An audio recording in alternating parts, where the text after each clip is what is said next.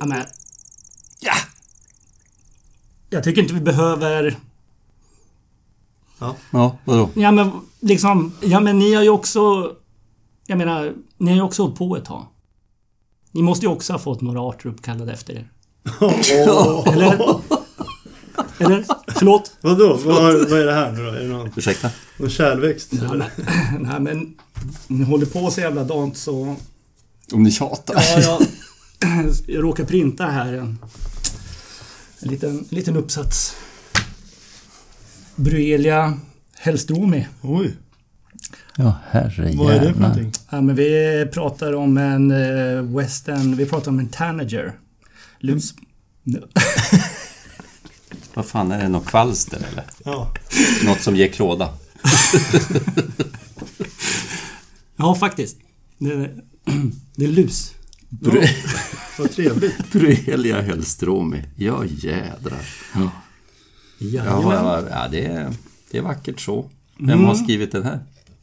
Eh, Daniel Gustafsson, även kallad Lus-Daniel. Eh, en före detta doktorand hos Urban Olsson som, eh, som har jobbat mycket med, eh, med fjäderlöss. Eh, de är ganska, alltså fjäderlöss är väldigt världs, världsspecifika. Eh, så de specialiserar sig på, på, vissa, på vissa arter. Ja, kommer du in i bilden? Det står ju här i artikeln. Uh, Bruelia Hellstromi is named after Magnus Hellström, station master of Ottenby Bird Observatory. Är du master nu? Oj, oj, oj. Ja, in var- recognition var of its annan. long work with bird banding in Sweden and for welcoming eh, Daniel Gustafsson to collect specimen at Ottenby several times between 2007 and 2014. Without the assistance of Hellström and his staff, much less would be known about Swedish Laos fauna. Du kan ju dö nu. Ni vet. Ja. Och så är det du som har strukit i Laos att det ska much less about Swedish fauna? Ja, jag vill ju inte dra upp det här men när ni, när vi ändå, när ni ändå tjatade om det. Ja, verkligen. Ja. Mm. Det verkar fågelfattigt. Ja. liksom. Precis. Har inte Ja. blivit mycket skådat här i november eller Magnus? Nej, det är nog tyvärr Inget så. annat att prata om. Nej, nej. Men hörni, eh, kul att se er. Ja. Eh, Jag tänkte idag att vi skulle prata lite om eh, eh, åtminstone tre olika fynd som har gjorts de sista veckorna. Vi har ju dels den här Personata sädesärlan i Halland. Eh, och sen har vi en, eh, ett fynd av en gråhuvad sparv uppe i Trollskogen på Ölands norra udde. Eh, fasansfullt nog ytterligare en ashumes. Mm. Eh, och sen avslutningsvis så tänkte jag att vi skulle prata lite grann om vetenskapliga namn också. Jag har eh, pratat eh, lite grann med folk uppe i Uppsala som vet hur man, hur man uttalar saker och ting. Ja, Ja. kul. Mm. Men det återkommer vi till lite längre fram. Det verkar vara tunt med egna obsar, eller? Ja. Du hoppar rakt Vi på hoppar, andras. ja. Ja, jag tror faktiskt vi kan göra det. Ja. Jag, jag har ingenting. Nej. Nej, vare sig solen eller några fåglar. Ja.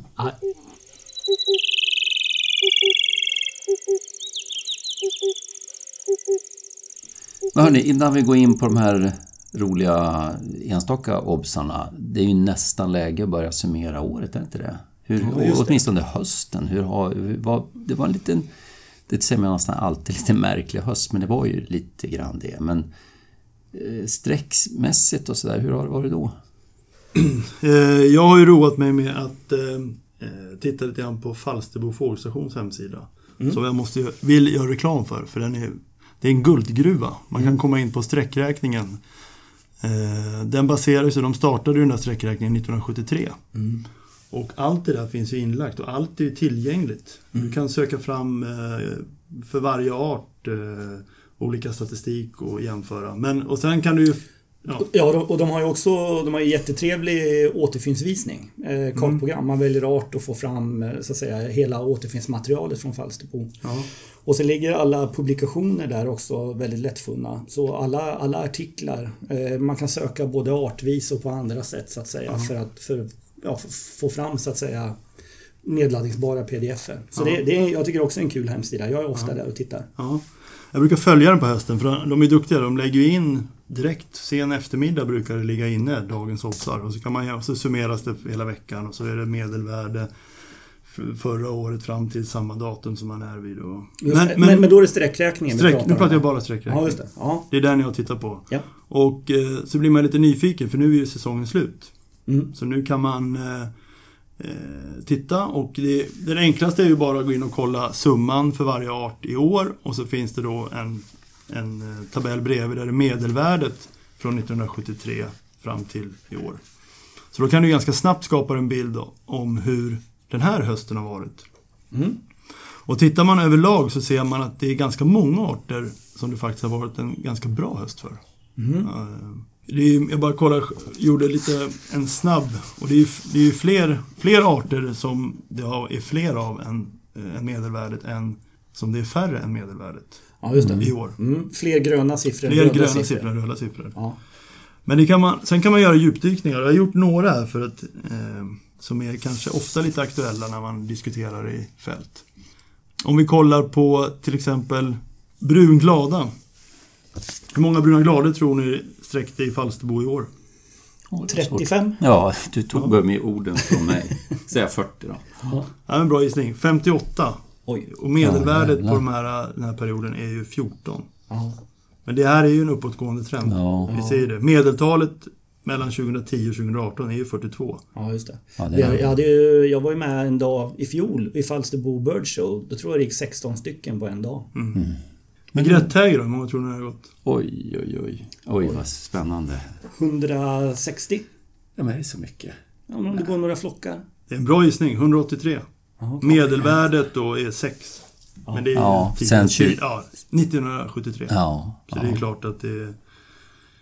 Och det här, vi återkommer gärna till melanitter, så vi måste ju ha någon melanitter med Ja, också. jag menar det. Sjöorre. Det, de har ju såklart kanske lite färre än vad man har på andra punkter i. Men de har ändå haft 45 000 och medel är 6 000 ungefär. Oj, Åh, oj, oj. Vad, vad kan det... Ja men tittar man på, så kan man gå in, så har jag kollat på hela perioden och det är en uppåtgående trend. Det är, Men 45 000, när, när har... Alltså, Sjöorre har ju i och för sig sträcker ju året om, höll jag på att säga. Men det är ju från en väldigt utdragen sträckperiod på, på hösten, från juli till november känns det som. Ja. När, när har de haft sina toppdagar i höst? det vet jag inte. Alltså jag, det här, så noga. Nej, nej. Det här får bli liksom... Men en annan fågel som ofta, det är bivråk, är många nyfikna på. Eh, och där, där ligger man på 3900 i år och snittet är 4800. Så fattas tusen... Ja, men det är ju då... Alltså man, om man kollar, går in och kollar från varje år så går den faktiskt lite upp och ner. Det är ju kanske lite nedåtgående, men det känns som den planar ut lite. Det är inte brant neråt. Utan, och man kan fundera på om, om man har fått bukt med, med Mm. jakten genom Italien. Våra svenska bivråkare går ju främst genom Italien. Mm. Om det är där man har, om det liksom är en bättring med Men, jaktsituationen. jag Ja. upplever, men, men det har ju bara kanske, det är mest vädermässigt att vi har haft höstar med, i september med stark västvind. Men det, Ölandsperspektivet är att det har varit ett par väldigt bra höstar nu med, med gott om bivråk. Jo, men Och höga siffror. Ja. Sen, jag, jag kan ju det här för dåligt Mats. Jag vet inte om... Är, är, det, är det jakten som, som så för... Alltså de populationssvängningar vi ser, är det jakt? Nej, det vet jag inte. Jag, har- jag har nog trott att... Jag har bara gissat att ned, nedgången har varit jakt, men det kanske inte är. Alltså den som man har sett tidigare. Ja. Och det, ja, nej, jag vet inte, det är bara en gissning. Ehm, Steppök då? Hur många steppökar gick det i år? Men det var väl, kändes som det var väl inget superstepphögsår. Ja, men var, var det inte det där nere? Var det inte bara på Öland det var kast? Kanske var så. Det gick säkert. De hade 40. Fem. Ja. Ja, men för Och med, 40. m- medel mellan 2010 och 2018 är 25. Mm, Senaste. Okej, ja 40 är ju inte dåligt. Nej, det är ganska bra. Ja. Är medel 25 från 2010? Ja. Ja, jag hade trott att medel var högre. Ja, jag trodde nästan jag också. Jag trodde, kanske men, haft några år som har varit lite Ja. lägre. Ja. Eh, Ormvråk var lite lägre, du frågade förut. Det var 8700. Medel är ungefär 13 000. Ja. Ja. Ja, hur många ringduvor tror ni sträckte då? ungefär 100 000. Ja, det Jag har är- ingen aning. Nej, ingen aning. Det är nästan en miljon. En miljon. Nästan en miljon. Det här är... Men det de här hade är rekordsiffra. Var Det det rekord. dagsrekord? ja, och det är även rekord... eh, Det är rekord sedan 1973. De har... eh, Snittet ligger runt 300 000. Jävlar. Så det, här, det här året var tydligen väldigt bra för ringduva. Men du, vem, är det du Magnus som ifrågasätter det där eh, beräkningen att vi- vilken fågel står för störst biomassa i Sverige? Ja, i, i, i, boken, vad heter den? Fåglar, fåg, Fåglar i Sverige heter den va? Alltså hur många boken. Där i så har de ju listat biomassan och tjäder ligger ju etta där. Ja. Gör den. Och jag, jag har ju så galet svårt. eh, jaha. Ja. Räknar man i antal kilo så ska, så ska det finnas mest kilo tjäder i Sverige. Jag hade trott det var ejder förut, men det kanske var... Kanske Jag var hade gissat på ringduva. Ja, ja. Hade jag. Men... eh, Men Ringduva borde ligga väldigt bra till. Ja, men, och jag kommer inte ihåg. Den ligger säkert två eller tre eller något sånt där. Jag kommer inte ihåg. Men eh, jag, jag har redan idag svårt att, att, att förstå att det ska vara tjäder som ligger etta. Måste jag säga. Tänk sig tanke en på- miljon tjädrar. Det finns en annan art som också var all time high sedan 73. Det är trädlärka. Ja, just det. Jag hade holländska vänner som var där i år. De sa att det var mycket trädlärk. De hade någon dag med nästan 500 tror jag de sa. Ja, de hade 3300 ungefär. Genomsnittet ligger på 1200 ungefär.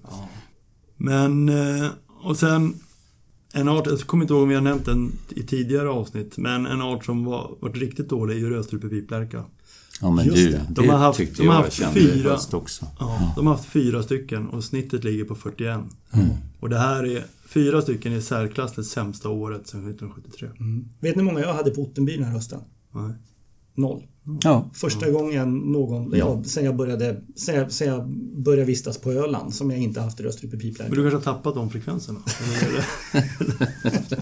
Du, jag tror faktiskt det var väldigt många som var oroliga i höst att det var det som hade hänt på gubbhyllan. Men, nej, men det, jag tyckte jag var ute mycket under rödpiptid. I september. Ja, Alla stod och skruvade en- på sina apparater. Ja, ja. men det har varit katastrofhöst för den alltså. Men du har haft några? Jag har haft en bara. Mm, samma, samma. Hur har ni haft det med lappsparv i år då? Ja, men vi kan ta den också. Mm. Ja, inte många. Ja, Jag har Nej, jag har haft, haft eh, två, lite också. Ja, Ja. det är något sånt. Eh, lappsparv har de haft sex stycken och medel ligger på 13.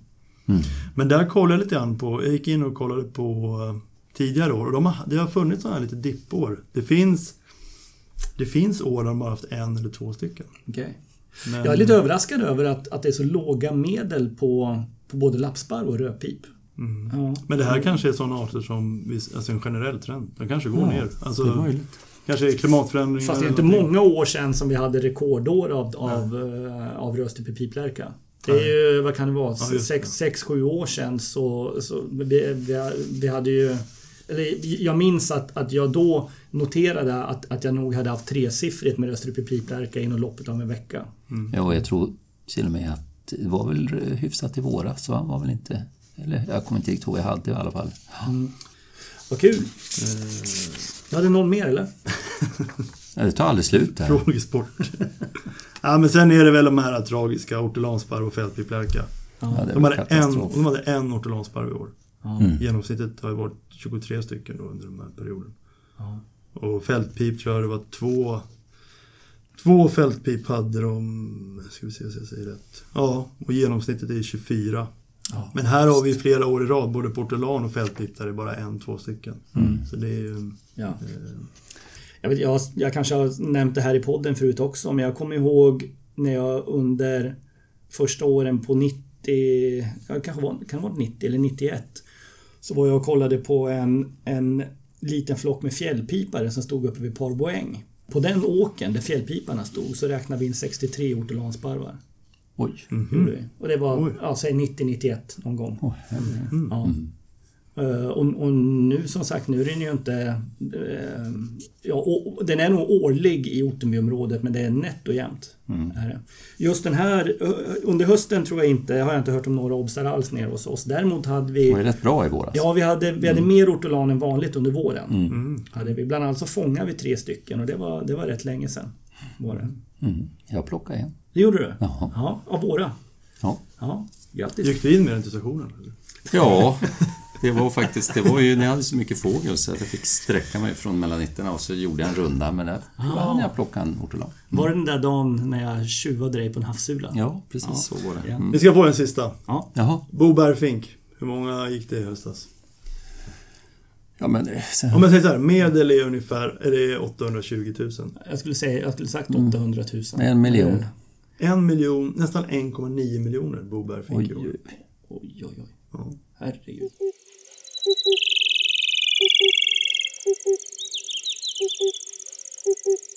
Kör på Jonas. Ja, ja, ja.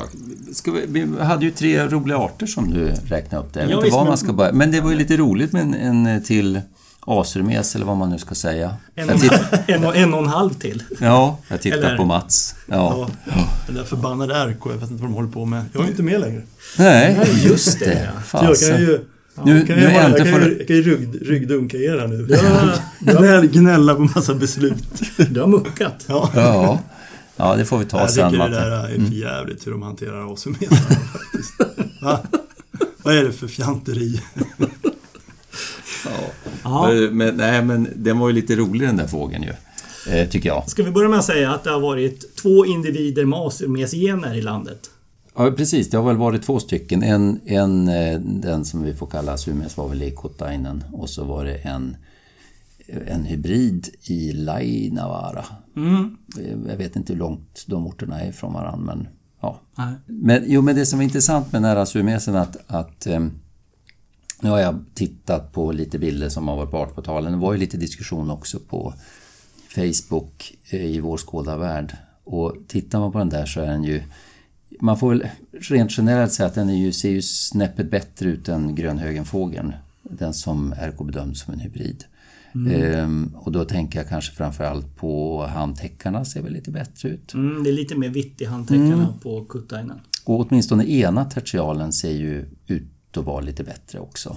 Kanske lite svårbedömt men, men det ser väl inte helt tokigt ut. Sen om gradvinkeln på den sneda tertialen är tillräcklig, det vet man ju inte.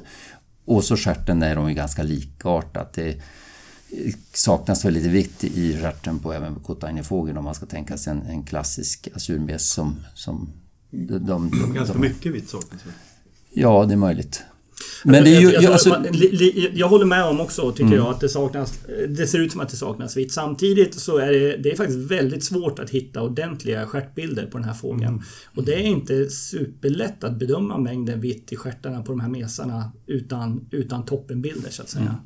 Fast det, det är lite dit jag ska, eh, Mats. För, och nu vänder jag mig till dig, som eh, åtminstone tidigare är medlem.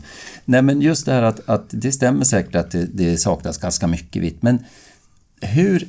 Vad jag förstår så dels har ju ni inom RK tittat rätt mycket på ett bra material, men, och inte minst finnarna har gjort det också.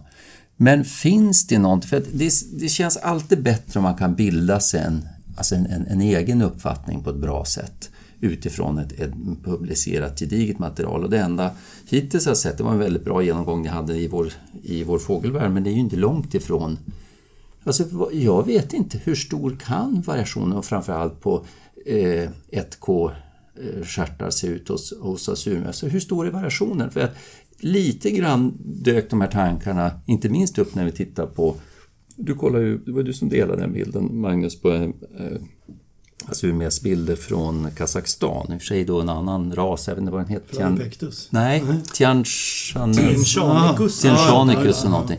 Om man tittar då till exempel på den här handtäckarkaraktären så, så ser ju de ut att ha inte speciellt mycket vitt i handtäckarna som man tänker sig den klassiska surmesen. De, de har ju inte mer vitt i handtäckarna än vad, en, än, än vad grönhögenfågeln hade till exempel. Och de, de bilder man ser är svårt. Det är ju extremt svårt att hitta bra bilder på nätet på utbredda stjärtar. Så att det, det är ju det som är svårt. Men utifrån den allmänna teckningen på hur den rasen ser ut så, så Alltså, förstå, förstå vad jag menar. Man skulle kunna tänka sig att även där finns en variation motåt att ha lite mindre vitt i stjärten när det går igenom på de andra karaktärerna. Och utifrån det då, eh, och så vet jag inte hur varierar det med ålder och, och så, och hur varierar inom ett utbildningsområde.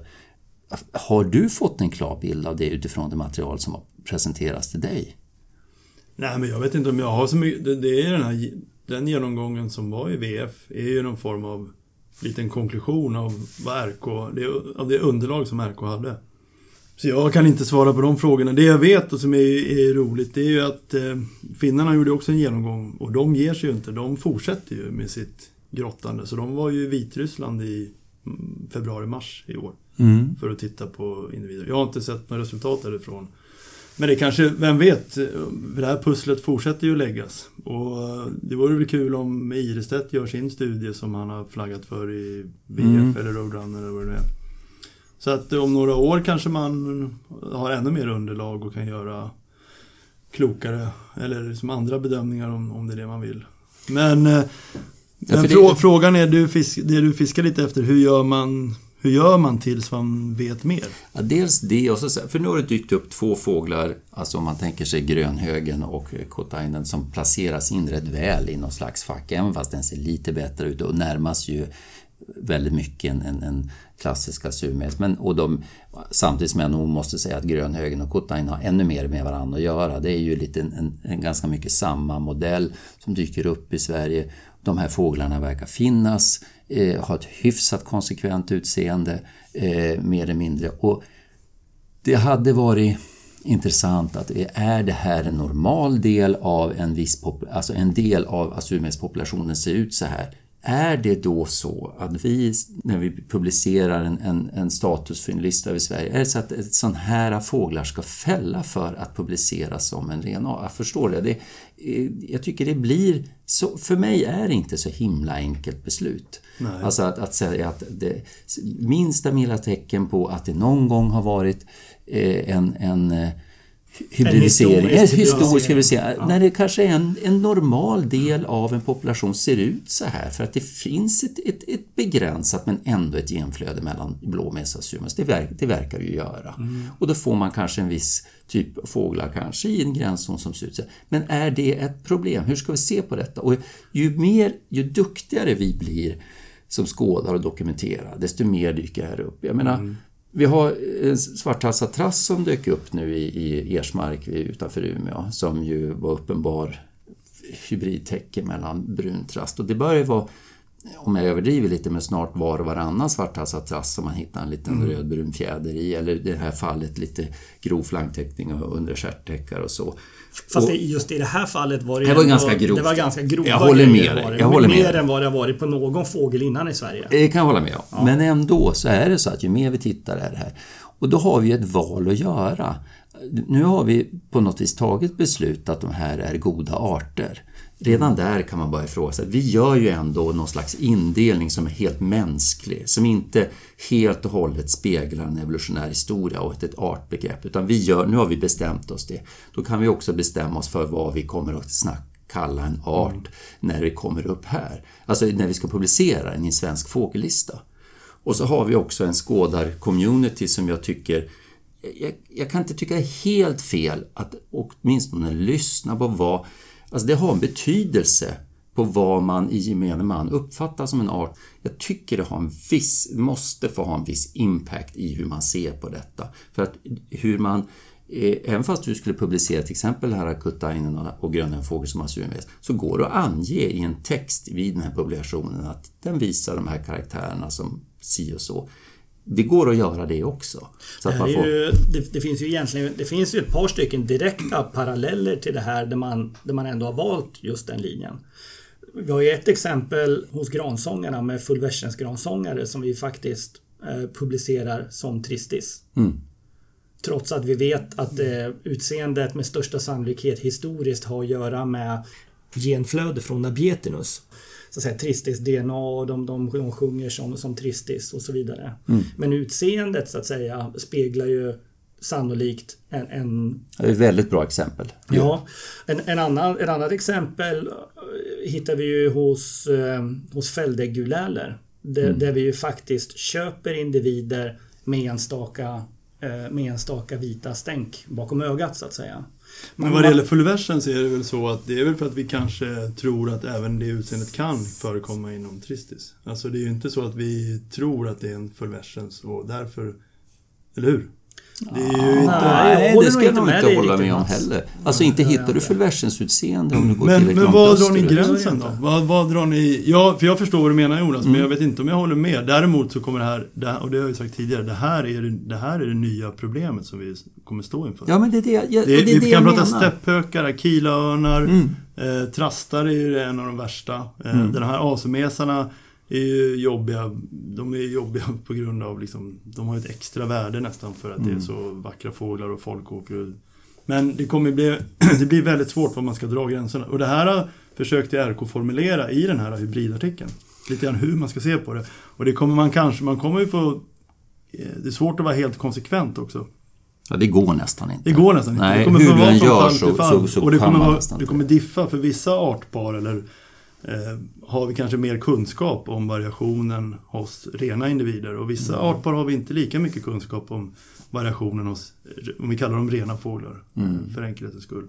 Vad det gäller asurmes, där, där är man väl, har man ju fått titta nu då senaste åren ganska mycket. Akilörnar har vi ju en ganska bra koll på sen traditionellt. Hur ser bra större ut, hur ser bra mindre ut? Har vi en bättre grundunderlag? Men det här är ju ett problem i och med att vi fotar fler, vi upptäcker hur komplext det är. Vi vet till exempel på akilörnar att det är en väldigt frekvent hybridisering i den eh, västra delen av utbredningsområdet. Där alltså randpopulationen för större skrik medför en eh, större, högre, högre grad av hybridisering. Och det, det är kanske är likadant med asurmes och blåmes. Och får in blåmes i det så blir de mer mobila, flyttar, för det är en flyttande fågel. Så det är inte konstigt. Och jag, jag, för jag håller inte med dig helt Jonas, men eh, vad, det gäller, vad det gäller asurmes. Eh, men däremot, Men men, vet du- det kommer bli en svår gråskala för, Mm. för alla Vi, de här artparen. Vet vad, jag- och varför inte du håller med mig helt f- då antar jag också delvis för att du har sett ett, fått en större bild och en större förståelse för det materialet. För jag saknar lite grann det. Jag skulle verkligen efterlysa en, en bättre artikel och en bättre redovisning av det materialet. För är det så att de här fåglarna är, är väldigt ovanliga i Assurmeses utbredningsområde, att, att de här grönöglen och kotainen-utseendet. Ja, men någonstans kanske jag köper att man landar i det här beslutet. Jag tycker det var en väldigt välformulerad artikel som ni skrev i, i vår fågelvärld, så inte det.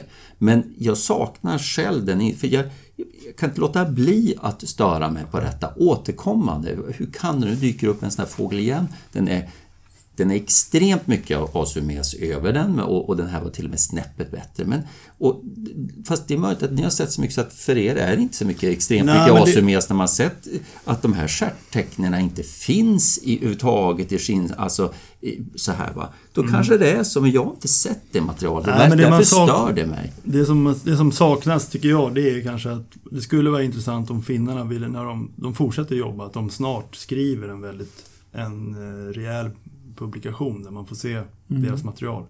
Mm. För då kanske det blir då kanske det blir lättare. Eh, fast man kanske ska försöka omvärdera och höja statusen på de här hybriderna. Eller på de här som har även små hybriddrag.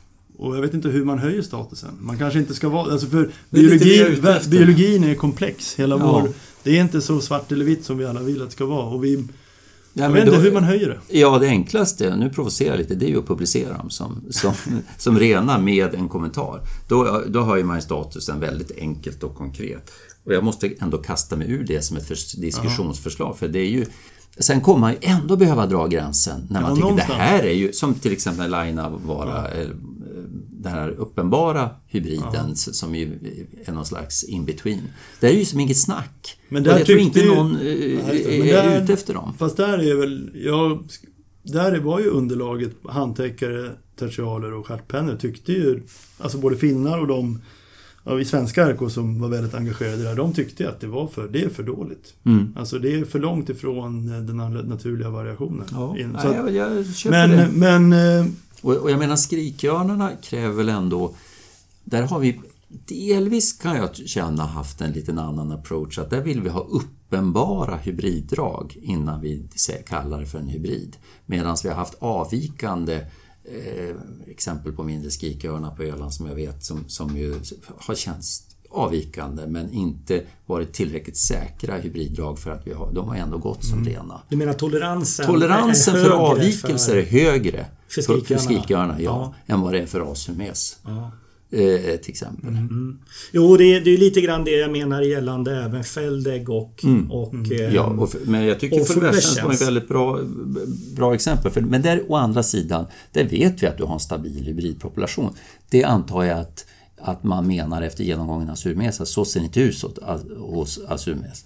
Men samtidigt, eh, uppenbarligen finns det de här fåglarna som dyker upp eh, nu eh, hos oss. Eh, Men hur vanliga de är, det tycker jag är en ganska, det tycker jag är en ganska viktig fråga som jag skulle vilja ha svar på för att kunna ta själv en, en lika, eller åtminstone lika grundad ställning som ni i RK har tagit. För jag, den insikten saknar jag. Men då låter det som att eh, den artikeln, eller då var inte den artikeln tillräcklig. Jo, men jag tycker faktiskt nog att, för där ni, det jag tycker det som var bra med den var ju ändå att ni drog, hade en, en det var en konsekvens i resonemanget kring ASUMES, till skillnad från trastarna. För i trastarna så var det en, där är det så pass vanligt med de här hybriddragen som dyker upp mitt i kärnområdena hos de här arterna som det inte är i ASUMES. I ASUMES menar man att, att de här hybriddragen inte fanns inom arten, artens kärnområde, alltså UMES kärnområde. Medan det fanns, det var, det var den, vad ska jag säga, men visst var det linan är slak och balansgången är, är alltså att man måste ha eh, gå ganska försiktigt fram och ha den här resonemanget, vilket jag tycker ni lyckades med, men det, det går ju att resonera på ett annat sätt också. Det, alltså, Artikeln redogjorde ju väldigt klart och bra för beslutet. Det tycker jag. jag. Jag, tror att eh, själva... Ja, där, och det var naturligtvis inte syftet med artikeln heller, men, men som läsare så går man ju inte därifrån med en, en, en bra och representativ bild utav variationen, så att säga. Nej. Nej, men det är nog för att det, det, det som saknas är ju någon eh, 20-sidig artikel där man, Ja, där precis, presenterar allt material. Liksom, Ja. man presenterar materialet och det finns ju inte. Nej. Sen tror jag, jag tror också att det som egentligen sticker kanske mest i ögonen på svenska skådare, det är nog eh, den finska behandlingen. Ja, jag. faktiskt. Ja, Den är ju väldigt märklig. man valde... Ja, men du säger ju att den är märklig. Ja. Ja, Ja, och du tycker det.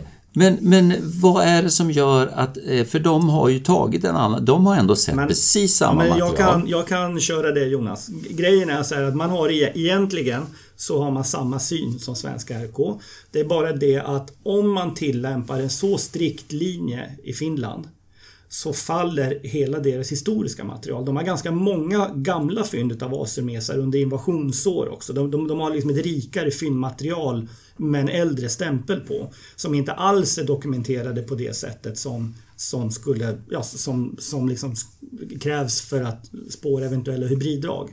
Så skulle man vara lika, så att säga, skulle man köra den svenska metoden på det här materialet så skulle hela det historiska materialet gå i graven.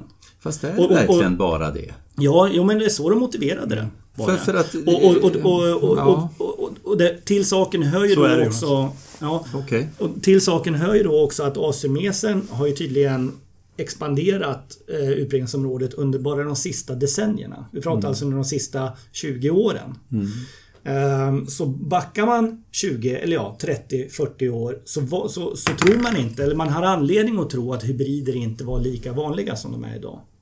Men det jag menar är att man skulle ju kunna haft, alltså även fast om finnarna nu har gjort så på grund av att man inte vill sänka gamla fynd, så är det ju så att bara för att, att man inte har gamla fynd som är tillräckligt bra dokumenterade så behöver man inte sänka dem. Man har ju uppenbarligen inte sett några hybriddrag, förstår du? Man hade kunnat ha exakt den svenska hållningen och ändå ha kvar sina gamla fynd, tycker jag. Eh, så är det ju. Det är ju snarast att de väljer att godkänna moderna, väldigt väl dokumenterade fynd där man har de här som ser ut som Kotainen till exempel, som man ändå skulle ha som en deras då, vad är det, kategori B eller vad det är, alltså som, som visar bara mindre hybriddrag som de ändå väljer att publicera. Och det är det jag tycker är intressanta med finnarna. Det, det tycker inte jag har någonting med deras historiska material att göra. Bara för att man motiverar så, så skulle inte det innebära att man måste godkänna en uppenbar hybrid idag. Jag förstår, det, det, då blir det ännu knäppare. Mm. Ja, men det blir, jag tycker det blir väldigt konstigt jäm, jämfört med alla andra artpar eller raspar. Eh, frå, nästa fråga kommer ju bli hur... Om det nu är jättevanligt, det kanske, det kanske, vi kanske kommer på att det finns artpar där ännu vanligare.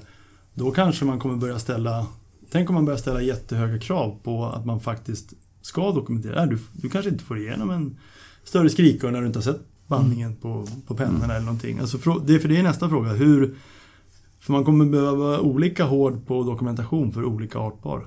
Beroende på hur frekvent hybridisering är. Det, är Ja, alltså, nej, det är... Det är som man säger, att förvänta sig att vara konsekvent, alltså det ska finnas en konsekvens genom hela linjen. Det, Det går- går, nej, det går går inte. inte. Nej. Alltså, så det tror jag, så, så är grunden.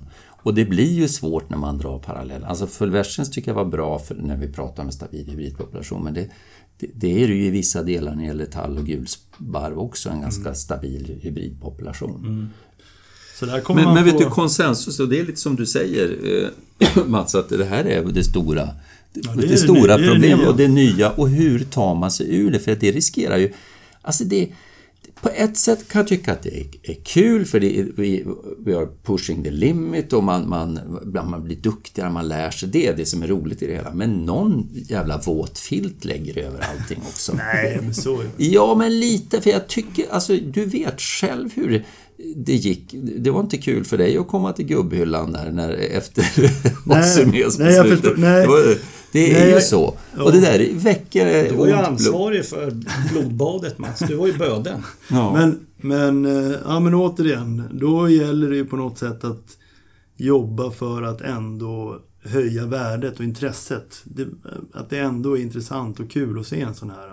Mm. Men det, är- det är ju för att, ja, jag är, det är ju vår psykologi. Det ska vara svart eller vitt. Det ska, Ja, vara, ett, ja, eller det ska vara ett kryss i världen. Det är kanske det till och med som är... Det Ja, finns ja. nog inget enkelt svar, men jag tycker det... ehm, för mig, alltså... Frågan känns ju inte helt utagerad, eller det känns Nej. inte som att det är, är, vi har nått vägs ände. och- Vi ser bara början. Ja, tyvärr. Ja men det är ju det. Det kommer... är det. Vi, vi, kan, ja, vi kan rabbla amerikansk kricka, bläsen, amerikansk bläsen. Det kommer vara... Det kommer fortsätta. Mm. Det kommer vara mer och mer sånt här.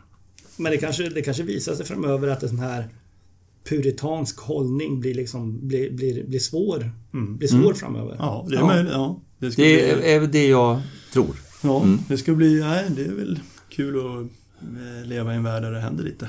Ja.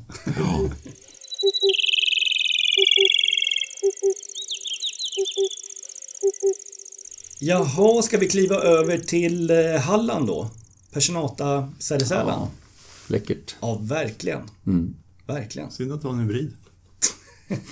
Ja, du, är- du är där igen. Ja, jag vet, man vet väl inte vad det är. Nej, men snälla. Nu, allvarligt. nej, men det är ju... Det, ja, men det är ju... Jo, nej, men det är klart. Det, men den är ju... Det är ju liksom inte... Det hade ju varit... Li, ja, person, jag kan bara utgå från mina egna referenser och det hade ju varit ännu roligare om den var en, en, liksom en klassisk.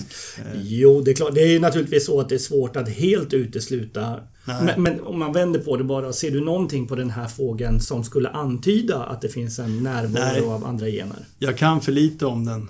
Eh, om hur unga honor ser ut. Men den ser ju inte ut som en klassisk... I alla fall inte en klassisk ung hanne. Men honor kan jag för lite om. precis. Jag hade Men gärna honorna sett- är ju... Googlar du pe- personatabilder så hittar du ju unga honor som matchar den här utseendet. Mm.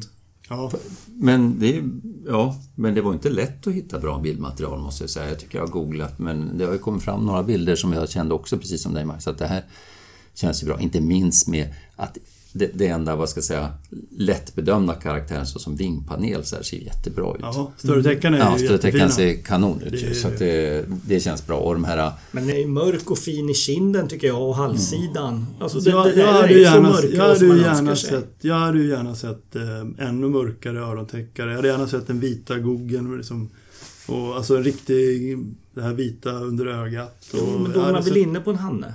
Ja, ja, ja det, problemet är ju också att alltså, ho, alltså höstfåglar, i och med att vi har vi har ju hybridisering i Altai och vi har hybridisering, eller de, boken anger ju det, Pippis and Wagtails. Och jag vet från egna erfarenheter hur det var jättevanligt med hybrider i Iran. Eh, Så vi har, Men det, det är väl i Iran och Altai som hybridiseringarna sker? Och, och det går ju på våren har du på häckplats och, och kan titta på dem. Problemet är ju höstfåglar att eh, med, alltså man vill ju ha en, när man studerar någonting så vill man med säkerhet veta att det här inte är en hybrid. Och det är ju jättesvårt på hösten. Självklart är det Jag menar Alltså, bara det är ju Mats... nästan omöjligt. Ja, ja. Jo, jag Ja. menar bara Mats att i ljus, så här. Vi vet att det var en ung fågel. Ja. Fågeln som satt i Halland. Det, det är en ättkofågel. Om man inom ramen för ättkofåglar eh, jag menar 50% av de som kläcks är ju ändå honor. Och det är klart att det finns lättare individer och det är klart att det finns individer som visar tydligare teckningar men inte... Men, hur, men en fråga, ja för jag, har- jag har för lite kunskap. Det är, det, är därför. Det är klart att det har vi väl allihop. Men, eh, men jag, så jag kan, jag, för min egen del kan jag inte säga att det här är en klassisk ung hona. På grund av min okunskap. Men det är, det är ju inte så som jag minns ungfåglar. Men då kanske jag bara minns de här typiska. Jag kanske inte minns de här lite Eh, Så det, det, Var, jag var sitter har här du jag, sett eh, personata ungfåglar på? i Kazakstan. Ja, just det, i Shabag. Ja, Shabagli. både i Almaty och Shabagli. Och, Mm. eh, men Hade ni hybridfåglar där? det vet vi ju inte, det är ju på hösten. Vet du. Det är det som är kruxet. Ja, just det. Ja, precis. Det, det, det, Men de såg ut som personator. Ja, Ja. de som vi de som vi tittade på. Men, men eh, så jag vill inte, det jag säger nu, det är bara min, min högst personliga. eh, Så jag vill inte smolka någonting. Det är väl, det här kanske inte Ja, är något problem. Vi, ja, vi, vi kan avsluta programmet med Mats adress. Nej, nej, nej men, eh, men i och med att jag inte, det stör inte mig, jag tycker bara det är intressant, så Mm. gör det ingenting. Och därför tycker jag man ändå, är då ändå- kan man våga vara, då får man vara, Fast jag i tycker det min egen kul. värld kan jag vara hur kritisk jag vill. Ja. Mm. Så, Har, Ja. Men eh, vi alla tre har ju varit i Altaj. Eh, har, ni, eh, har ni sett fåglar som, som ser ut som hybrider där? nej, det var det jag skulle Nej, fråga er om det, för du har hört det flera gånger. inga. Ja, nej, Jag jag, såg jag, inga nej. Men jag tycker det är lite intressant, för jag, alltså, vi var ju Altaj tillsammans, Magnus, men, men erfarenheter att titta på vårfåglar och som sagt, jag såg inga hybrider. Det är ju liksom vattenvärt i, i just det här fallet kan jag tycka. Men du har ändå varit på hösten och sett mycket personata. Nej, inte mycket så ska jag inte säga. Det är ing, och det var ingen sån... Alltså det är det, återigen, det är för litet material. Ja, men jag, tror inte det är så många och- som har ens Nej. den erfarenheten som du har Mats, när det gäller... Nej, men den, den erfarenheten jag har, den kan du, du kan bygga en tiofaldig erfarenhet genom att googla. Ja. Alltså, så den, Okej. Min erfarenhet spelar ingen roll. Jag, jag har inte lagt tid på det. Jag, så jag har inte, ni har säkert fördjupat er mer i det här nu. När man åker... Eh, när man landar i Barnaul, alltså i, i, i låglandet, i jordbrukslandskapet, norr om Altaj. De, de flesta sädesärlor man ser där, de är ju liksom, de är ju dukunensis-tecknade. Mm. Eh, alltså de ser ut i princip som våra fast med mycket vitt i vingen kan man säga. Det är som i Iran också. Ja, just det. Ja. Men sen när man, eh, så fort du kommer upp, eh, även ganska låglänt i Altaj, när man lämnar jordbrukslandskapet bakom sig.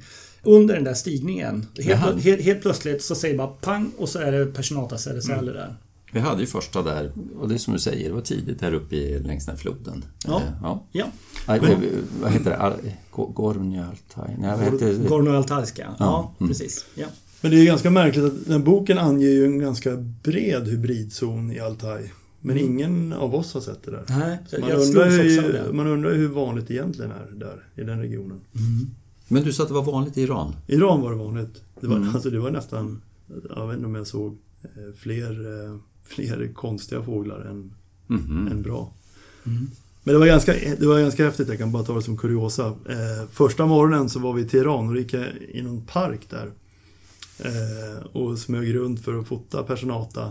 Och då sitter jag på huk och så har jag en jättesnygg personata. Och då bakom den här så kommer det två iranska kvinnor i svartklädda i burka. Och liksom man bara ser ansiktet. Och så har jag den där Erland och, det- och det slog mig. Det är så de, de, de har ju en burka. De har en burka. Det var, så, det var en sån här, de ser ju ut som de här iranska kvinnorna nästan. Ja, kul. kul. Hörrni, eh, när ni har varit i personatområden, har ni någon gång reflekterat kring locklätet? Eh, Jag tycker inte jag Ja. hade jag den Ja, jag vet att jag har diskuterat det här också. För jag vet att jag har tyckt att jag inte har hört så stor skillnad. Jag har, aldrig- eller när jag första gången så var jag där i en värld, för då hade jag hört nå- någon annan som sa att det var lite mer Forshäll-association. Ja.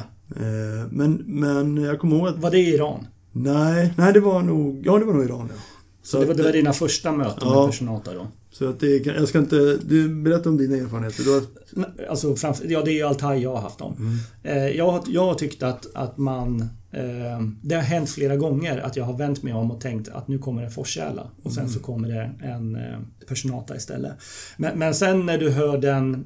Ja, när det inte bara bryter, bryter igenom bruset så att säga ifrån, ifrån forsen utan när den trippar omkring på närhåll då, då hör man ju att, att det är ändå liksom en nu är sädesärle blöt eller vad man ska kalla den för. Men, men jag tycker att den generellt sett är lite spetsigare i lätet på ett sätt som drar mot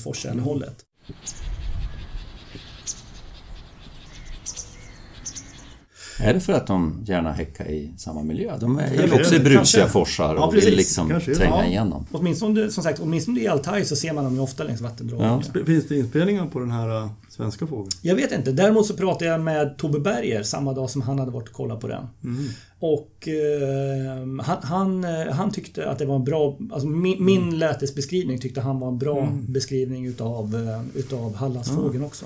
De upplevde den också spetsig och ja, något forsärlig så att säga. Jag kollade upp det här och totalt sett så finns det 15 fynd idag ifrån VP. De allra flesta är nere ifrån Mellanösternregionen.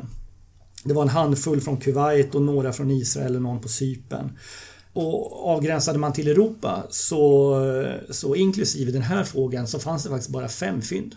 Så det, det, det är en tung obs. Verkligen. Fem, ja, det här var alltså det femte europeiska fyndet. Och det andra för Sverige, det var ju aprilfynd på norra Öland. Ja. Precis, precis. Det första fyndet i VP gjordes i Norge 2004. Jären va? Eller lista eller vad var det? Jag minns inte riktigt. Det kanske Ja. var... Jag kommer ihåg eh, Jag kommer ihåg. fyndet i Den alla kommer jag också ihåg. Den var ju en sån där klassisk, en sån, Ja. som, som jag kallar, eller det var väl kanske, den kanske kallas Hanne då för att den är, för den var, Men det var ju en höstfågel va? Ja, Mm. Ja. ja. den stannade ända fram till, den stannade väl Gjorde länge. den? Jag Ja, tror det den gjorde. stannade Okej. till... Den övervintrade Jag alltså? tror det. Jaha. Ja, och sen det andra fyndet var ju den uppe på norra Öland, uppåt Dödevi någonstans. Danielsten va? Ja, precis. Ute på en åker där. Och det var ju, det var ju en snygg sommar, sommarhandel helt så att säga. ja. Ja, fantastiskt snygg. Det fyndet tycker jag, när det gjordes, tycker inte jag uppmärksammades på det sätt det borde ha gjort. För att den det dök upp, den poppade upp på artportalen, den där bilden. Mm. Så var ja, personater, men det blytungt ju. Det är för, fokuserade på arter för mycket. Ja, Jo, men det är- ja, jag tror faktiskt det. Det Ja, var, och, och sen så gjordes det ett till fynd i Norge här för något år sedan och sen så finns det ett fynd i England också. Så att det, det är de fem Europafynden som finns.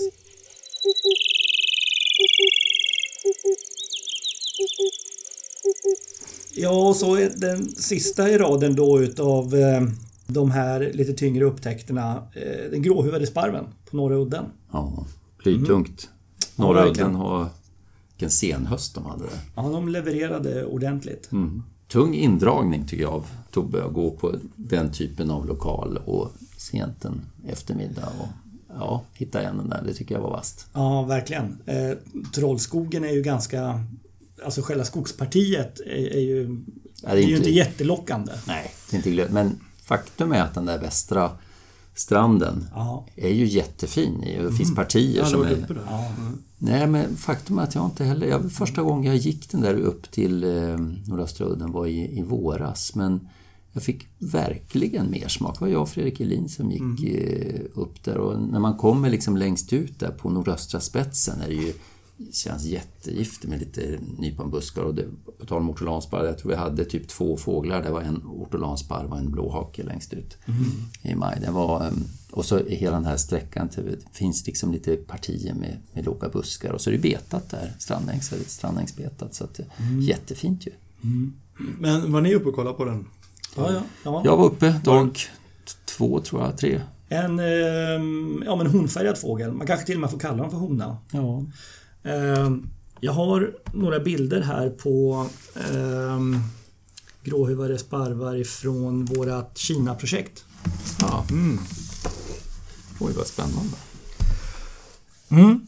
Fem honor och en hanne. Jag tror att det går att hitta hannar som är ytterligare snäppet mer honfärgade än vad, än vad den här är. Men jag, jag tror ändå att sådana här fåglar som, som helt och hållet på alla sätt saknar handragen. Eh, som saknar eh, den här eh, jä- jämngrå Grå. så att säga, ögonbrynsträcket och örontäckarna. Eh, och, och som, det är lite sämre sminkning liksom i inramningen utav, eh, utav örontäckarna och så också. Jag, jag, jag, jag, jag tror nog faktiskt att fåglar som är helt honfärgade de bör man nog också kunna få döpa till honor vid publikationen också. Ja, vad kul. Men du, kan du inte lägga ut dem där? Någon slags collage, eller är det, är det copyright, de där bilderna?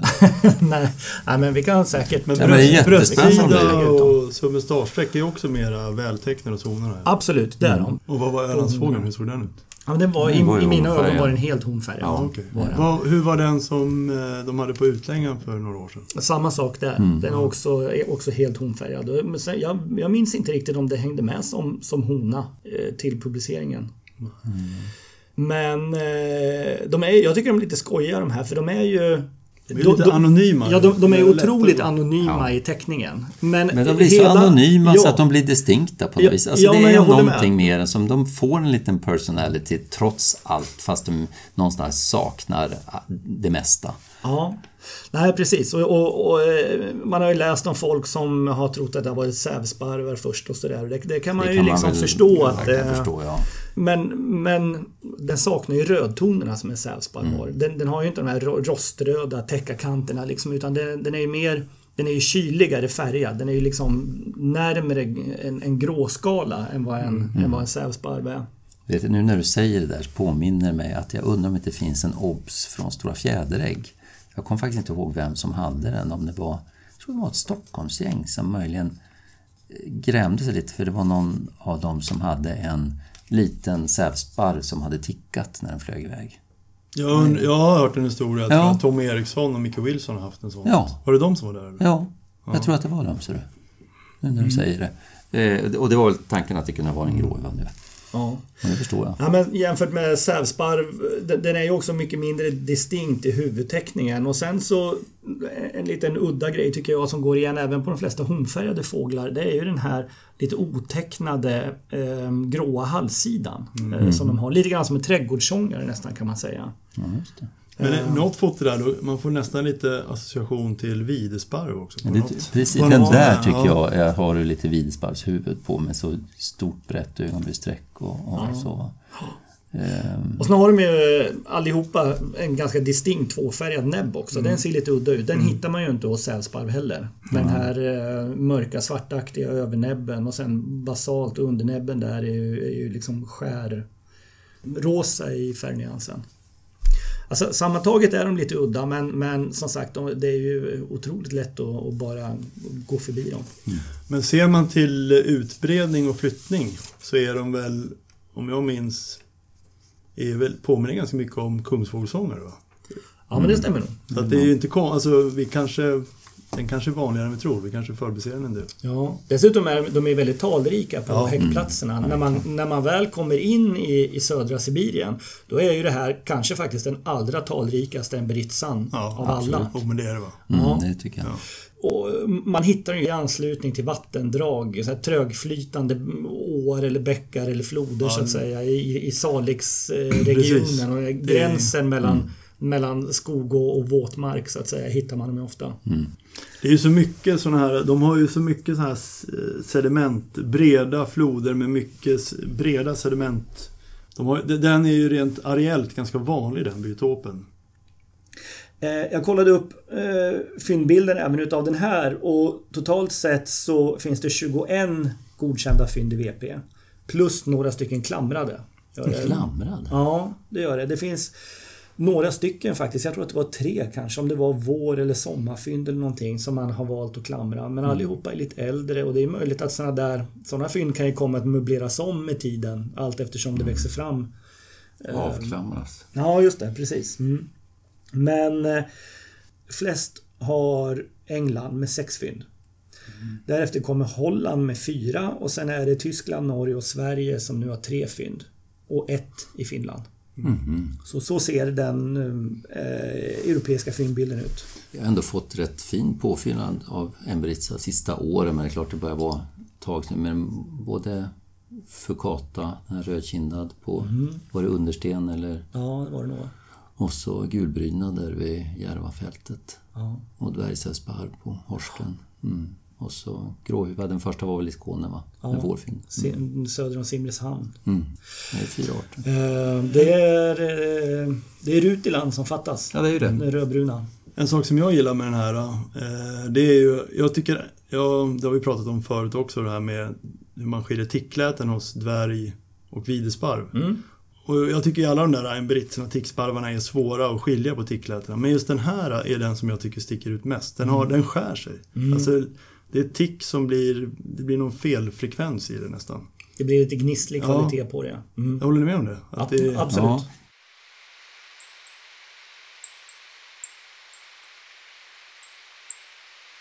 Ja, Det, det blir lite svårt nästan att utifrån inspelningar, alltså frekvenser, det, ja. ja. Mm. fre- Ja, frekvenser ja. kommer och frekvenser försvinner så att säga. Ja. Men, det, men jag ifrån eh, i, i fält håller jag med dig absolut Mats. Så att jag tycker att det är en av de tickande emberitser som sticker ut mest.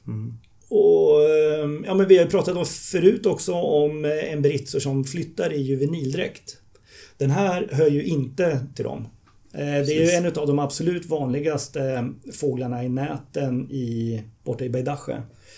Med, eh, ja det är nog, vi har nog märkt flera tusen tror jag under projektåren där borta. Och eh, eh, vi har inte fått en enda höstfågel i juvenildräkt. Så, så den hör inte till de här fyra specialfallen. Ja, jättekul. Roligt med ett Ölandsfynd då. Den grattis till eh, Tobbe. Verkligen.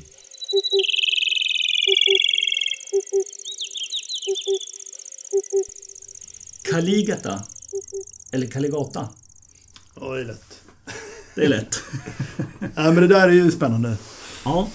Kaliga, Kali, Kaligata säger vi ju. Nej. Ja, Det beror på hur man frågar. Mats gör inte det. Mats Kaligata. säger Kaligata.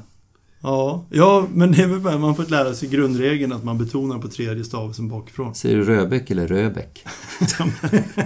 Men eh, det är ju skitsvårt att veta. Man kan, det där, vi har ju aldrig läst latin i skolan. Nej, Nej. men jag har pratat med en som har det. Ja. Ja, vad roligt. Ja, Elena Dahlberg som eh, jobbar på institutioner för lingvistik och filologi vid Uppsala universitet. Och eh, Lingvistik och filologi. filologi, det har jag aldrig hört talas om. Nej, nej, nej. Och hon har hjälpt till att kasta lite ljus över det här. Så här lät det då.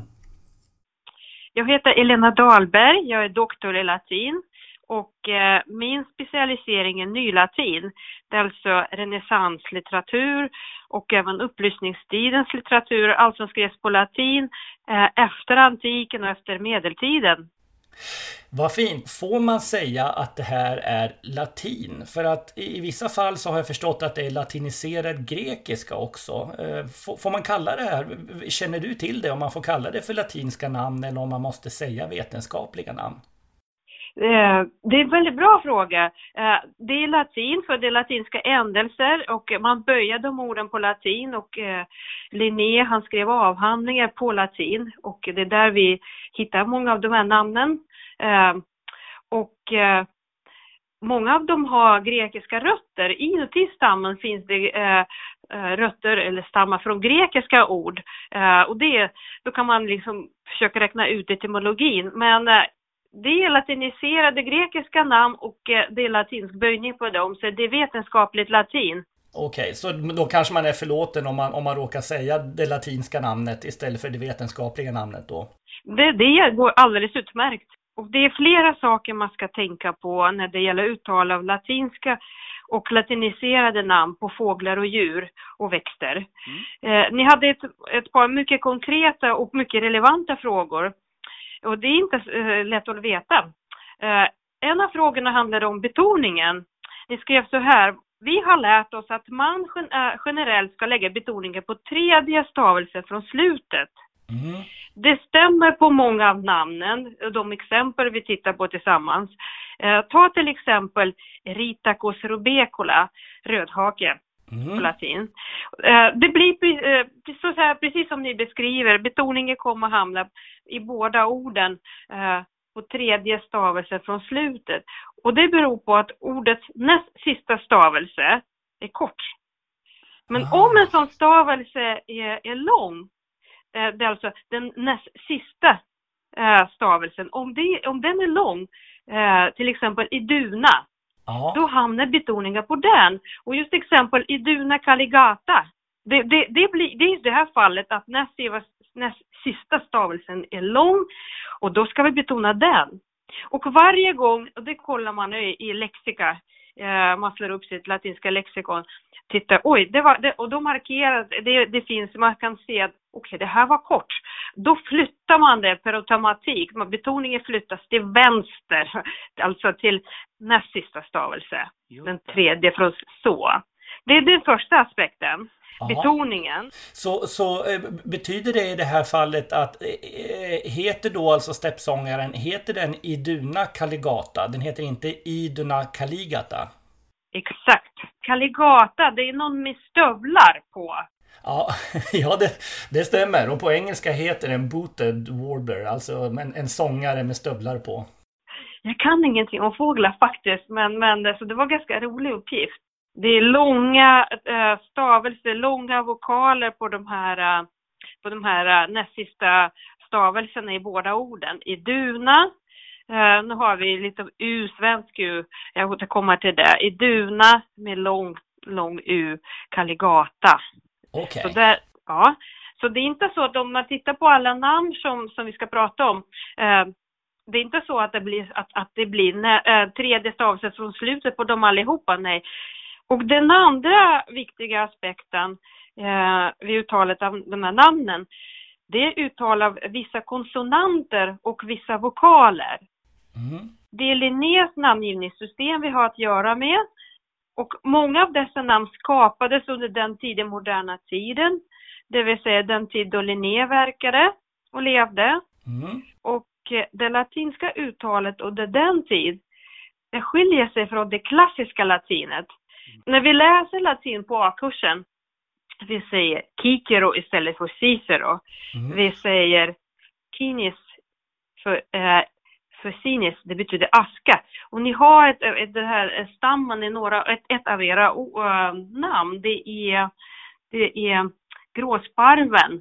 Eh, nej, inte grå, eh, just det, det är gråsparven måste vara, gulgråsparven. Ja, just det. Gulgråsparv. Bestä, ja, bestämningen där. I stammen finns det den här kinis eller sinis på tidigare moderna eh, eh, äh, äh, latinet.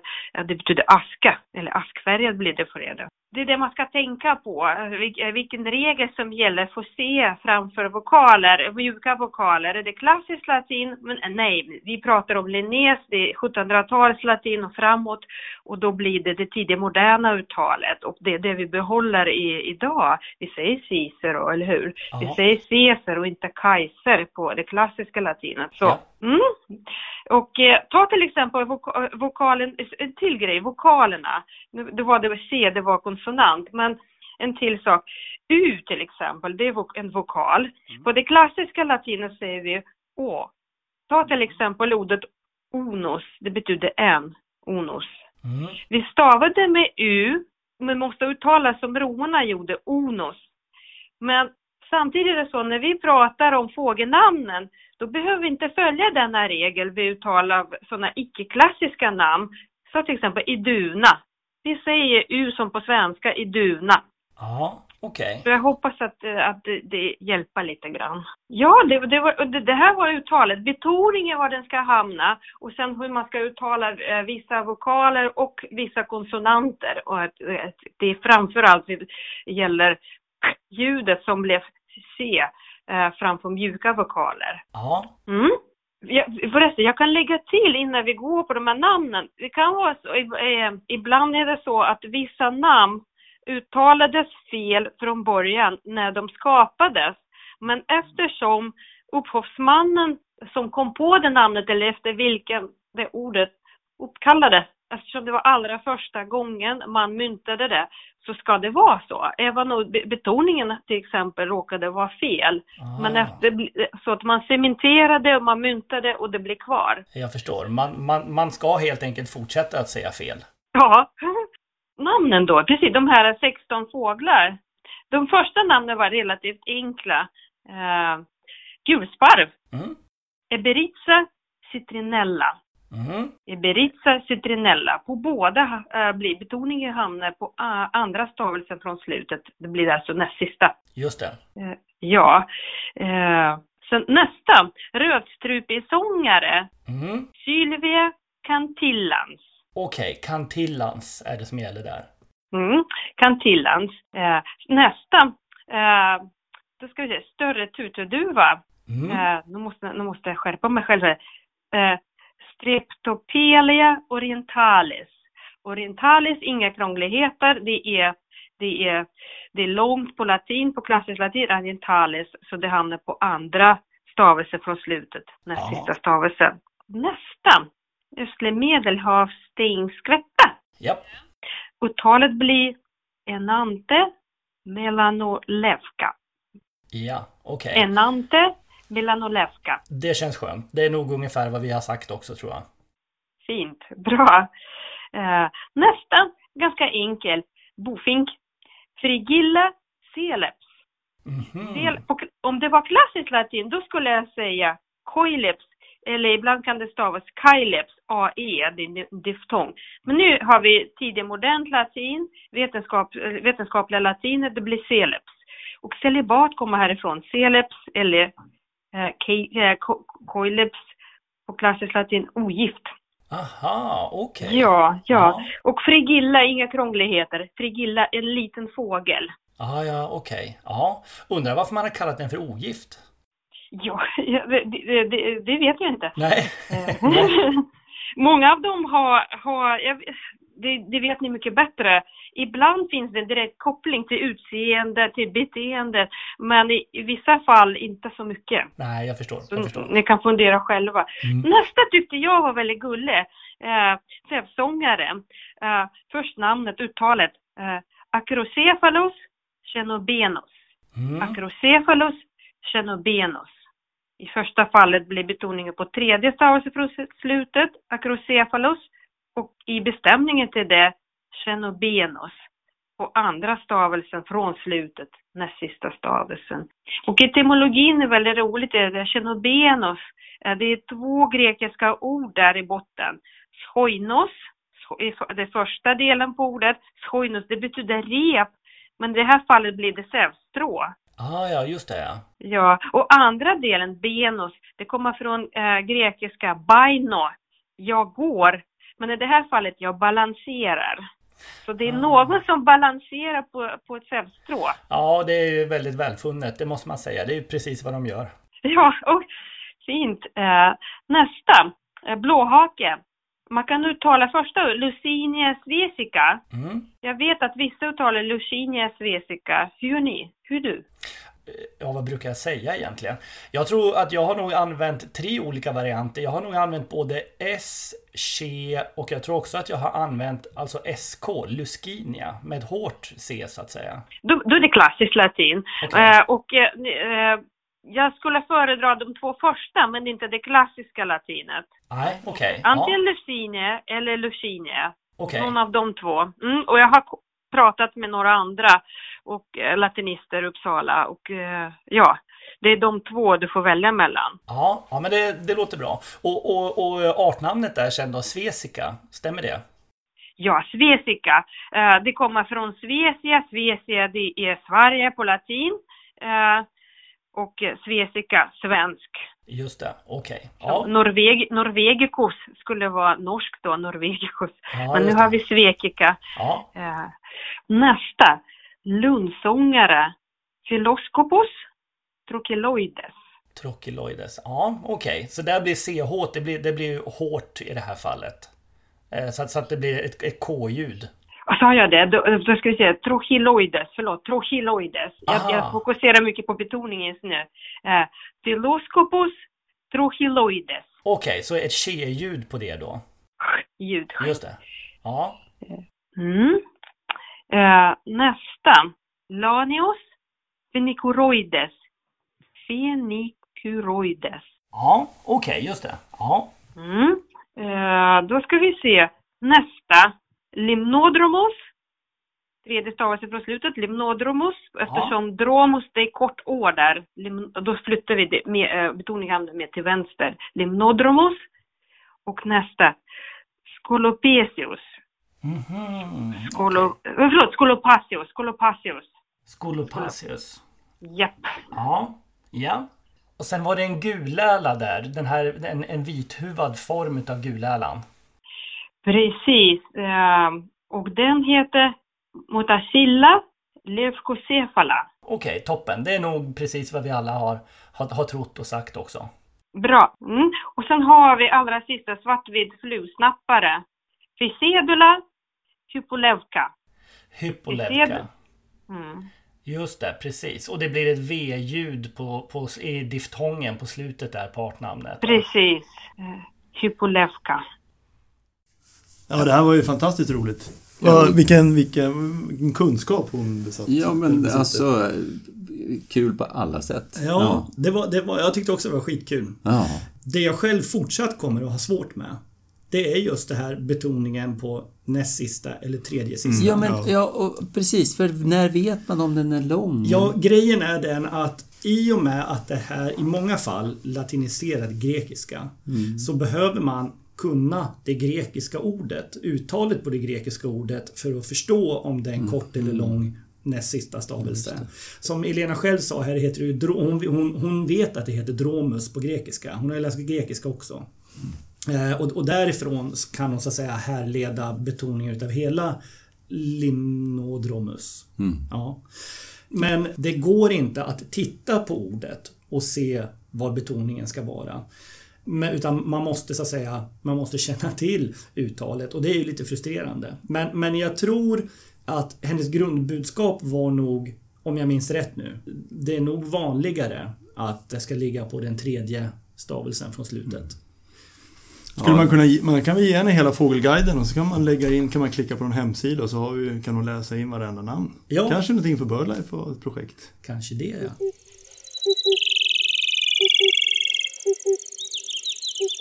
Jonas, då undrar jag såklart vad har du inte kunnat släppa? Ja, det är väl inte jättemycket men jag ramlade över en eh, artikel eh, som påminner mig om att jag hade sett några liknande uppgifter när jag var på den här ornitologiska konferensen i somras i Alaska och det gäller eh, islomarnas, dels islomarnas flyttning och eh, som en liten konsekvens av det också hur de skiljer sig i vikt. För det var nämligen så att det var en artikel om, och det var svartnäbbad islom, som var att, att eh, beroende på flyttningens längd, för olika populationer i Nordamerika flyttar olika långt. Och de som flyttar längre väger mycket mer än de som har kortare flyttning. Mm. Och då kom jag på att jag lyssnade på ett föredrag om vitnäbbad islom. Och då visade det sig att det var ju väldigt stor skillnad. Och då, då, vitnäbbad islom har egentligen över, dels har de ju norra Alaska, tundrakusten, men de går ju även över i Kanada ganska långt österut så att säga i Kanada också. Och de här kannarna, vitnäsorna, de flyttar ju inlandsmässigt, eh, korsar egentligen bara den amerikanska kontinenten ut till eh, kusten mellan Alaska och British Columbia så att säga, ute vid Stilla havet där. Eh, och de är väldigt, det är också en intressant detalj, med extremt ortstrogna på sina vinterkvarter. Och man hade ju satellitföljt en, och det här är ju de vitmarisrommar som är lite mindre i storlek då så att säga. Och en fågel som, som övervintrar på ett litet, en sån här liten djuphavsgryta där ute vid den här eh, södra Alaskakusten ner mot British Columbia. Den eh, hade hållit till i ett ganska begränsat område hela vintern, legat där och fiskat. Och den hade ju flyttat dit genom att bara korsa Alaska, komma ut vid Stilla havskusten eh, och, eh, rakt över land. Och så såg man att, och så flyttade den tillbaka och så nästa eh, höst så flyttade den till exakt samma 100 gånger 100 meter stora område i havet. Men den rundade Alaskakusten, alltså en helt annan flyttväg och ändå så hittade den tillbaks till exakt samma. Så det var lite spännande. Verkligen. Men det jag skulle komma till var också hur mycket vikten, för att de då, vitnäbbade islommarna som häckar upp i norra Alaska, det som många ser vid Barrow till exempel, de övervintrar ju i Asien. De drar över till, eh, drar över Beringsund och så följer de eh, Chukotkas östkust ner till eh, Kamchatka, Sakhalin och så övervintrar de där i havet utan, ja, alltså Okotska havet och, och även utanför eh, Sakhalin. Och jag tror att bara det ska vara så jävla läckert för man såg satellit eh, tracksen var ju otroligt tajt där efter hela Kamchatka-kusten. Det var så jädra läckert att och, kolla sträck där. Det måste ju gå att hitta en udde. Ja, men precis. Jag tror det. Men, och så kollar man då. Vet ni hur stor viktskillnad, och det var ganska motsvarande på vitnäsiga, nu kommer jag inte ihåg det exakt för det var, det var ett föredrag, men nu såg jag på svartnäbbar, alltså hur stor de kan variera i vikt, alltså vilket spännvidd det är. Vad, vad, vad, man säger så här, en, en stor lomväg, jag kollade, ungefär två kilo. Och en, vad tror ni någon, och, eh, spännvidden på en svartnäbbad, vad ligger den mellan? Två och fyra Eh, Två och fyra. kilo. Ja. Ja, den ligger på mellan 2 och närmare 8 kilo. Alltså 7,6, 2, alltså det var, det var gånger, alltså bara inom artsvariationen, jag tror 2,6 till 7,8 eller 7,9 någonting. Eh, där kring. Alltså det var nästan 300 procent tyngre än den, den tyngsta jämfört med den lättaste individen. Men framgick det på något sätt om, om, om de hade kompenserat för maginnehåll eller sådana saker? Det, det har den där just inte. slukat någon... Ja, inte vet jag. Blysänke. Ja. ja, nej jag vet faktiskt inte. Nej. Det är klart det har det, men det är ju det jag tänkte när man tittar på, nu tror jag i och för sig att på, på islommar och vitavargislommar här, att man Eh, det är uppenbart att en del inte är eh, tyngre än en, en vanliga storlommar eller smålommar medan andra är verkliga moderskepp som kommer eh, och, och flygande. Ja. Det är lite grann det intrycket, men man kanske inte helt ska, ska vifta bort alla lommar bara för att de inte är tillräckligt tunga heller. Nej. Kul! Mm. Mats? Ja, men jag fick, jag fick se en, eller Juho Könen höll en väldigt trevlig presentation om sin höst på i Estland. Han har ju stått och räknat streck där. Mm. Han har stått hela hösten och räknat streck i ett projekt. Och då har de ju, som de flesta känner till, haft väldigt mycket knölsvärta. Mm. Det har varit, jag tror det var 11 stycken till slut. Ja. De har ju gått in ganska hårt för att så gott de kan gå igenom även sjöarna. Det är mycket sjöar som passerar där. Och det har vi också pratat om tidigare att de har ju haft i de tidiga räkningarna en tre, fyra stycken varje år. Eller varje tillfälle de har räknat. Amerikanska sjöar. Amerikanska sjöar, ja. Mm.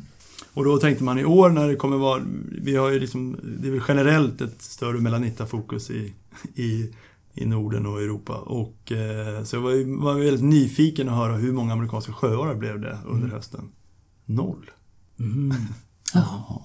ja. Och elva knölsvärta. Ja. Herregud. Ja. Menar du? De, de amerikanerna som han tidigare har haft, mm. har de också varit på höststräck? Ja, det har varit höst. Det är samma. Det är ett, jag tror att de har, det här är tredje gången. De räknar vart 50 år. Mm. Och då räknar de hela. De börjar någon gång mitt på sommaren och räknar fram till mm. november eller vad det är. Okay. De, har, de här amerikanerna, de har fastnat där kring utlängan. De kommer inget längre. Nej, men det kan ju vara slumpen och sådär vidare. Men det var... Ja, det, blev, det var ju lite, lite snopet. Ja, det var det. Men för då är det ju inte så att de verkar ju ändå hålla utkik om man säger så. Ja, ja. Betyder det här att vi kommer att ha en taskig amerikanavår nu? Ja, eller så är det bara slump. Alltså, ja. Låt säga att de har haft dagar när de har gått emot så långt ut och då har det gått några... Alltså det, ja, jag, visst, det är klart. Men, han, men om man säger så här då. Var, var, var, tror ni att vi har inflödet av amerikaner in i Östersjöområdet? Var kommer det? Var kommer de någonstans ifrån? Tror ni inte att det är över Laviga Finska viken? Jo. Det tror jag med. Till skillnad från till exempel Praktejder eller, ja. eller så. Och det stämmer ju med deras tidigare år. Så att det var ju lite... Ja. Märkligt. Ja. Mm. Man kan ta det lite lugnare. Det är bra. Jag har inte vågat säga. Jag är satt ur spel där i mitten av april. Ja. I två dagar eller vadå? satt ur spel. Nej, längre så. Ja. Du då Magnus? Jo, eh, jag satt och lunchade häromdagen nere på Nere på Ottenby eh, och så låg det en gammal Roadrunner på, på bordet, på lunchbordet. Det är... Under den här nummer... skrikiga designens tid. ja, just det. Ja, nummer 1 2001. Och sen så eh, på sida 36-37 där så finns det en liten notis som heter Gråzon med mersmak. Och den handlar om, eh, om föregående nummers SBQ-fågel, alltså fågelfotofråga. Mm. Um, jag tror jag vet vilken du menar. Jag ja, ser det lite grann härifrån. Precis, exakt. Och, och, det hela rör ju då, det rör sig om en sångare som sitter i något slags hallonsnår eller något i, i, i Finland. Redan när den här kom, därför att rätt svar på den här var, var tydligen, eller var steppsångare. Mm. Och redan då 2001 så hörde jag till de som eh, tjatade emot det här och, och, och tycker att i mina ögon kan det här inte vara en steppsångare. Vilket då genererade lite diskussioner och så kontaktade man Lars Svensson och sen så i numret efter, det som jag håller i här nu då, så, så, eh, ja, så, så, så motiverar man så att säga bestämningen då helt enkelt. Till stepp alltså? Till steppsångare och, och, och Lasse är med på det här också men jag känner mig än idag inte riktigt säker på att, eh, att, att premisserna var klara för det här. För, för det, det, det var ju en, det, det, var en ganska stor omgång bilder som skickades iväg till Lasse. Eh, och, och, flera av de här bilderna visar ju en uppenbar steppsångare. Alltså det, det, det fanns steppsångare med på platsen också. Det, det, var, det var ju på häckplats i Finland som, som det här. Men, men just bilden då som, som han valde för fågelfotofrågan Ja, jag, jag, tyckte att det var kul att få fram den här igen och återigen så här 20 år senare eh, bilda sig en uppfattning om vad man tror att det är så, på bilden. Jag kommer så väl ihåg när det här skedde och jag vet också hur resonemanget gick då. Ja, mm. ja. Vilken är, det är samma individ på alla eller? Nej, eh, nej är det, den, där det här är SPQ-fågeln. Och, och, jag, tror, jag tror att ja, den plus de tre nedre tror jag är samma individ. Medan de två fristående bilderna där tror jag visar en annan individ. Ja. Och jag tyckte ja, det skulle vara lite kul att höra hela era mm. reflektioner. Jag, mm. För min del så tror jag än idag att SPQ-fågeln tillsammans med de här nedre fotografierna, eh, jag tror ju att de visar en kärrsångare mm. än idag. Eh, Medan de två fristående bilderna visar ju en bra steppsångare. Men jag tyckte det skulle vara kul att höra lite grann bara vad ni, vad, vad ni tycker idag. Är busksångare uteslutet? Nej, det tror jag inte. Det är, det är ju säkert någonstans i östra Finland så busksångare fanns säkert på plats också. Ja, jag håller helt... Framförallt mm. SPQ-fågeln känns helt utesluten som steppsångare. Ja, eller hur? Ja, det gör det. Sen de här undre, de har ju en väldigt rundad stjärt. Jo, precis. Alltså det, det, ser ju ut som att den har det, men däremot så ser man ju, man ser ju inte det, alltså längden på de enskilda pennorna. Nej. Utan man ser en stjärt som ser ut att ha en, mm. en rundad profil. Liksom. Egentligen är det väl alltså, själva fotot som är tävlingen. De andra tre här är ju inte så jättelätta. Nej, Men jag, jag håller med. med. Det blir svårt att få den där till en steppsångare. Ja. Men ja. då är det någon stackare som ska lämna tillbaka en kik vinstkikare nu eller? Det, jag, det var just det jag tänkte på själv också. Tänk om, jag har ingen aning om det här... Tänk om det är din? Nej, jag hade inte... Kan min. Ja, precis. Nej, men det... Um, um, jag har ingen aning om om det här påverkade så att säga, tävlingens utgång eller inte. Det tycker jag vi ber någon av våra lyssnare att reda ut. ja, bra idé. Ska vi repetera det där igen då? Det var 2001, var det Nummer? 1 2001 och det var i SBQ-omgång 4, eh, alltså 2000, 00 alltså. Mm. Kul. Det är säkert någon som sätter tänderna i, i det. Ja, det här var ju spännande. Eh, hörni, eh, tack så mycket för idag. Tack själv. God jul. Ja, just det ja. God jul ja. God jul på er. Ja, hörs nästa år. Det gör vi.